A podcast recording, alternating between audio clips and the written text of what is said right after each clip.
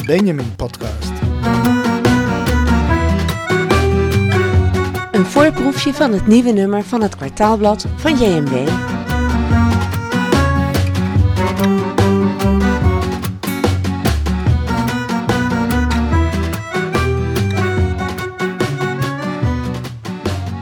Dag Lea.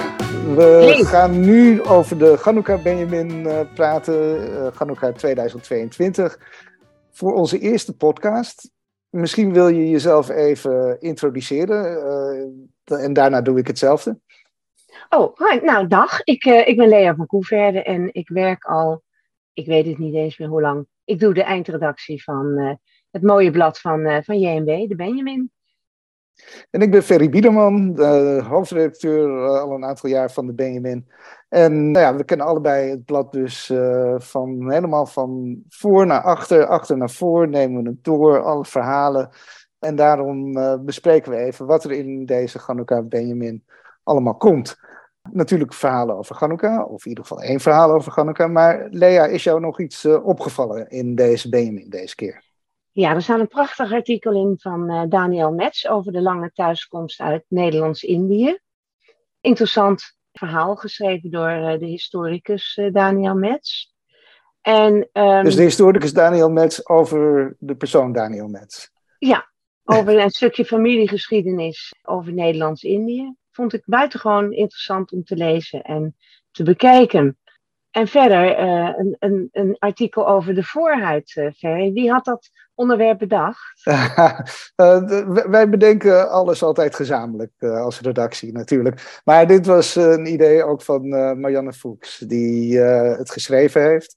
En ja, ze was eigenlijk al begonnen aan een, een serie over Joodse traditie. Eh, die is begonnen met begraven, Joods begraven, in het vorige nummer. Dat deed ze samen met ons toenmalig eh, redactielid Wouter van der Schaaf, die eh, helaas tussentijds eh, is overleden. Dat was een enorme klap voor ons allemaal. Ja. Maar Marjan gaat dus ja, moedig door met de serie over Joodse traditie. En heeft meteen maar ja, de stier bij de hoorn gepakt, zeg maar. De, het, De koe. de koe bij de Oh nee, dat klopt niet. Dat moet Nee. een stier zijn. En eh, die heeft dit artikel over besnijden meteen gedaan. Wat vond je ervan? ja ik vond het eh, een eye-opener, mag ik het zo zeggen? Ja, natuurlijk. Wat viel je op? Wat viel mij op is eh, dat tot in detail beschreven wordt hoe en wat dat gaat, hoe het binnen gezinnen gaat. En ehm, ik vond met name een tussenkop erg leuk, het snijden van een granaatappel. Ik vond de metafoor heel erg mooi om me daar visueel iets bij voor te stellen. En was je ervan op de hoogte of wist je dat het eh, wat controversiëler aan het worden is, eh, besnijden? Want natuurlijk voor een heleboel Joden is het zo vanzelfsprekend eh, dat je je zoon laat besnijden. Tenminste, dat was het altijd. Nu dus blijkbaar iets minder vanzelfsprekend. Nou, wat je vaak hoort binnen niet-Joodse kringen is dat men het een, een verminking vindt en dat het gedaan wordt door, eh, door, ja, bij kinderen die er geen toestemming voor hebben gegeven. Ehm, ja, ik weet niet precies wat ik daarvan moet vinden. Eh, ik weet wel dat eh, als ik het met mijn zoon erover heb, hij wat mismoedig naar zijn kruis grijpt. Dus wat dat betreft. Maar toen ik hem vroeg, ehm, weet je nog ehm, hoe en wat, zei die mam, ik ben nu 41, sorry, maar ik eh, ben het vergeten. Het is oké zo. Dus ehm, eh, vind jij het verminking? Ik persoonlijk niet, nee, maar ja, dat is ook moeilijk. Ik ben er ook eh, mee geboren, min of meer. Tenminste, Nee, niet helemaal. geboren, maar maar, eh, ja, ik vind het. ik denk niet dat je er zeer nadelige gevolgen van ondervindt. als je het op zo'n jonge leeftijd eh, laat doen. Of eh, niet heb, je laat het niet doen, maar als je ouders het hebben laten doen bij je. Het is natuurlijk inderdaad, uh, de, de, ideeën hierover veranderen. Ook van de, de integriteit van, van kinderen, van het uh, individu. Dat je dat niet zomaar naar iemand laat doen als het niet hoeft. Nou ja, dat, daar weegt tegenop traditie en een bepaald stukje herkenning. ik weet niet, jij hebt nogal veel gedaan vroeger met ehm, Joodse singles, dating. dat mensen elkaar, hè, ontmoetingen en relaties. En uh, ben jij ooit dat soort dingen tegengekomen dat uh, besnijdenis, besneden zijn, uh, meespeelt in, in het zoeken naar een partner bijvoorbeeld? Ik vind dat wel een ingewikkelde vraag hoor. Um, maar het is nooit gebeurd dat iemand zegt, maar hij moet wel besneden zijn. nee, er werd wel eens wat anders gevraagd over bijvoorbeeld de cupmaat die een vrouw zou moeten hebben. Ja, die stuurde ik dan ook direct weg. Want ik bedoel, dan heb je het over fysieke dingen waar je in wezen niets aan kan doen. Maar over besnijden, men ging ervan uit dat als uh, je bij een, een, een schatgen kwam, dat uh, het aanbod aan mannen. Dat is Joodse, Joodse matchmaking, uh, ja. Joodse dating site, zeg maar. Ja. ja. Dat het aanbod besneden zou zijn. Daar werd uh, van uitgegaan. Zo vanzelfsprekend was het. Ja, maar ik heb er eigenlijk nooit uh, eerlijk gezegd uh, naar gevraagd. Er zit toch een soort taboe op. Ja. ja. Nou, ik denk dat we genoeg beeld hebben gegeven van het besnijdenisstuk. je noemde het stuk van Daniel Metz over Joden die uit Nederlands-Indië kwamen. Ja, heel mooi. Dat komt ook uh, mooi overeen met wat eh, JMW nu onder meer aan het doen is. Uh, meer samenwerking met Pelita, de soort zusterorganisatie die dan voor mensen uit Nederlands-Indië opkomt. Um, het is natuurlijk, ja, het geeft wel een, een bepaald beeld weer hè, van ja, de Joodse gemeenschap in Nederland ook na de oorlog. ik weet niet wat jou daarvan nog bijgebleven is, maar inderdaad van mensen die uh, heel veel geleden hadden natuurlijk, die, die de Shoah overleefd hadden en die waarschijnlijk helemaal geen geduld hadden voor de verhalen van anderen, zoals deze mensen die uit Nederlands-Indië terugkwamen. Ja, klopt. En dat is wel heel ernstig, want die waren ja, eigenlijk meervoudig getraumatiseerd. Hè? Deels omdat hun Nederlandse familie die in Nederland was gebleven misschien gedecimeerd was, waar dus heel veel leed is geweest. En dan zelf hebben ze natuurlijk heel veel meegemaakt in, uh, in voormalig uh, Nederlands-Indië. En uh, als Joden, um, dat hoor je ook vaak, dat mensen zeggen van ja, de oorlog in Indië wordt voor een groot deel vergeten. En um, het is nog niet eens zo lang dat er jaarlijks een herdenking nu is voor, voor de Joden uit, uit, uit Indië die daar hebben gezeten. Dus ja, um, ik vind het heel goed dat het belicht wordt. En dat duidelijk wordt dat er uh, ook op die manier geleden is door het Joodse volk in Indië. En dat dat heel lang heeft geduurd ook. Ja, ja. en dat is natuurlijk, uh, ja, toch, toch was er na de oorlog, en dat vind ik wel opmerkelijk, en dat heb ik ook in mijn eigen omgeving meegemaakt, uh, gezien dat Joden en mensen uit Nederlands-Indië, niet, niet, per se Joden uit Nederlands-Indië, maar dat ze toch veel met elkaar gemeen hadden. Na, uh, in, in die naoorlogse jaren, in de jaren 60, 70, ken ik uh, nog wel gemengde uh, stellen bijvoorbeeld, waarvan de, de vrouw dan Joods was en, en de, de man uit Nederlands-Indië kwam. Blijkbaar was er toch een, iets wat, waarin men elkaar aansprak en elkaar kon vinden ook. Onderdrukking en vervolging en angst uh, is natuurlijk iets wat bij beide groeperingen heel erg leefde. En uh, dat ze getekend heeft voor het leven. Um, dat maakt het uh, dat je een gemeenschappelijke band hebt. En dat daarom die groeperingen het vaak goed met elkaar kunnen vinden. En soms inderdaad ook met elkaar trouwden. Ja. Ook, in, ook in Indië het is sowieso wel goed ook om, om meer aandacht te besteden, aan, ook in de Benjamin, aan de, nou ja, het koloniale verleden, waar ook toch um, op bepaalde manieren Joden mee te maken hebben gehad. Ja, en, maar vind jij dat je dat kunt linken aan de situatie nu? Oh, dat is een veel groter onderwerp. Dan gaan we Ja, het hebben over de excuses van. eh, Ja, de- want dat- soort Wat, wat, wat vinden we van de excuses, de uitgestelde excuses van mensen die niets wat dat betreft eh, hebben meegemaakt eh, op dat gebied, die het nog niet eens geboren waren? Ik vind dat het goed is dat we als maatschappij erkennen dat er bepaalde dingen gebeurd zijn. En dat onder ogen zien en ook zien hoe dat doorwerkt eh, heden ten dagen. In welke vorm dat moet komen, daar, dat vind ik een te politiek onderwerp waar ik dan verder niet op inga. Nee, dat begrijp ik wel, maar ik vind bijvoorbeeld bijna alles wordt nu vergeleken met de Holocaust. Hmm, En dat vind ik dus heel erg lastig.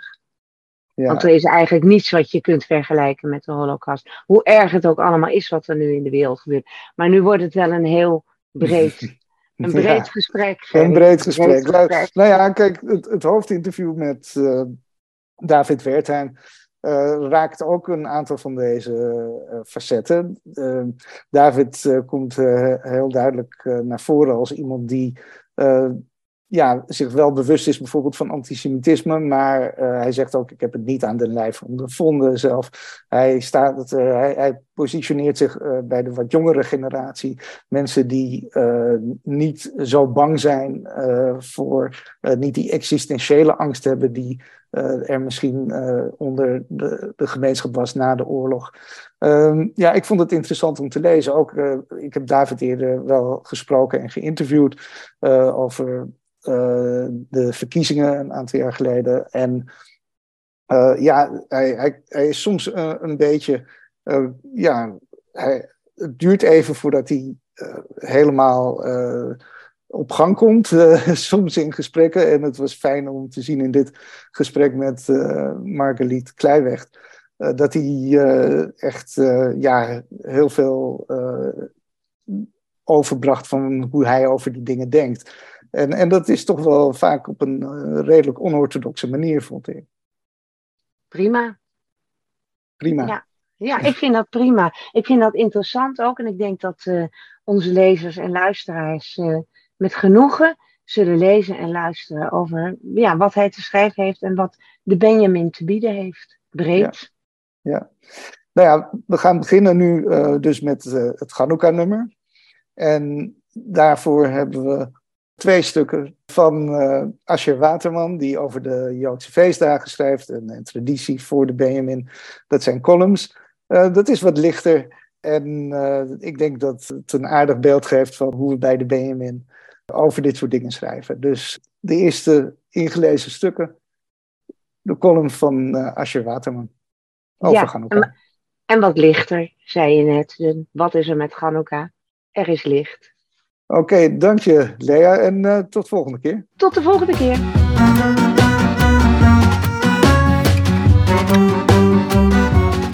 In de Benjamin nummer 126, Chanukka 2021, 5782, stond het volgende verhaal van Asher Waterman over Chanukka. Met als kop een verlichte discussie. Mijn vriend en ik hebben doorgaans een klein meningsverschil over het lichtplan hier in huis. Zelf heb ik graag alle lampen aan, zodat ik alles goed kan zien, makkelijk een boek kan lezen en er eigenlijk niet zo over na hoef te denken dat het misschien al avond is. Mijn vriend vindt dat ongezellig en doet vervolgens de helft van de lampen uit of probeert er iets voor of overheen te hangen, waardoor het licht een beetje gedempt wordt. En zo gaat het dan steeds heen en weer. Meer licht, minder licht, meer licht, minder licht, totdat er een van ons genoeg van krijgt.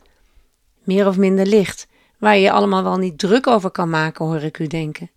Maar met onze discussies over meer of minder licht treden we in de voetsporen van twee illustere voorgangers, wier discussies over meer of minder licht vorm hebben gegeven aan Chanukka zoals wij dat vandaag de dag kennen. De illustere voorgangers zijn niemand minder dan de rabbijnen Hillel en Shammai, twee rabbijnen die ieder aan het hoofd stonden van een leerhuis. In de Mishnah vinden we een heel aantal voorbeelden waarbij deze twee leerhuizen steeds van mening verschilden en daar de discussie over aangingen. Een van de zaken waar de twee over van mening verschilden, heeft te maken met de manier waarop men de Chanukkiah aansteekt. Want ook over een ritueel dat zo simpel lijkt als maar kan, is het mogelijk om van mening te verschillen. Ik vermoed dat u de kaarsjes thuis op dezelfde manier aansteekt als hoe ik dat thuis geleerd heb. Op de eerste avond van Chanukka steek je één kaarsje aan, plus de shamash, de kaars waarmee je de andere kaarsen aansteekt, en laat je de andere zeven plekken leeg. Op de tweede avond komt er een kaarsje bij en branden er twee kaarsjes plus de shamash en op de derde avond drie enzovoorts tot je op de achtste dag van Chanukka een gevulde Chanukka hebt vol met brandende kaarsjes. Doet u het thuis ook zo? Gefeliciteerd, u volgt de school van Hillel.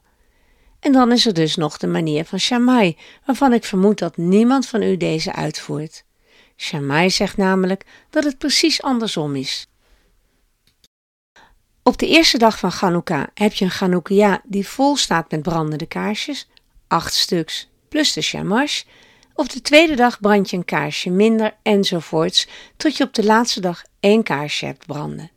Volgens Hillel komt er steeds een kaarsje bij en volgens Shammai gaat er steeds een kaarsje af. Maar als allebei de manieren correct zijn, waarom volgt dan niemand de manier van Shammai? In de eerste plaats omdat we de mening van Shammai eigenlijk altijd links laten liggen. Dat is een beetje de vuistregel. Wanneer Hillel en Shammai het met elkaar oneens zijn, volgen we de mening van Hillel. Maar het zou oneerlijk zijn om Shammai om deze reden zomaar af te schrijven. De echte reden dat we Hillel volgen is omdat zijn argument beter past bij de gedachte van Chanukka. Door steeds een kaarsje extra te branden, zorg je ervoor dat er elke dag meer licht is, terwijl je op de manier van Shammai elke dag minder licht hebt. Tijdens Chanukka willen we juist zorgen dat er meer licht is, meer warmte, meer gezelligheid. Om meer licht in de wereld te brengen, juist in deze donkere winterdagen. Meer of minder licht is dus helemaal niet zo triviaal als het lijkt. Er schuilt een diepere betekenis achter. Ik vrees alleen dat mijn vriend het geen overtuigend argument zal vinden.